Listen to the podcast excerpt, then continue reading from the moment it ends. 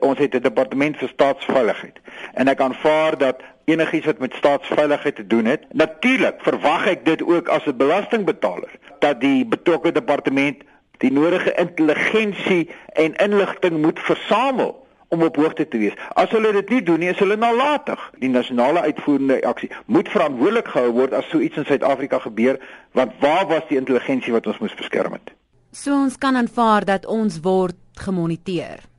Dit is net vir my logies dat enige iemand wat Suid-Afrika wat die die mandaat het volgens die grondwet om Suid-Afrika te beskerm, uh van allerlei tegnieke gebruik gaan maak om Suid-Afrika te beskerm. En as dit moet beteken dat jy internetverkeer, toegang tot sosiale netwerke en sulke tipe moet monitor om Suid-Afrika te beskerm, kan ek op geen rede sien. Ek sou dit amper as 'n as 'n versaking van hulle plig beskou as hulle dit nie doen nie in die belang van Suid-Afrika. Ek het geen bewyse om te sê dit word gedoen of dit word nie gedoen nie. Natuurlik, ons het baie streng privaatheidswetgewing en Suid-Afrikaners word daardeur ook baie goed beskerm.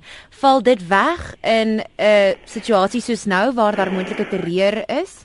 Uh, dit is vir my altyd verskriklik interessant, jy weet dat mense van platforms af sê ja, maar hierdie wetgewing gaan ons privaatheid beïnvloed en vryheid van spraak beïnvloed en dit gaan die staat toelaat om om ons as as terroriste te te kriminaliseer as hulle wil.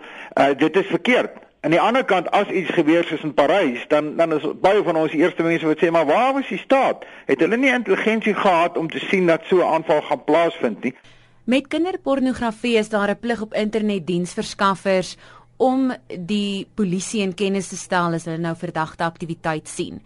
Sal so iets ook kan moontlik wees met terreuraktiwiteite?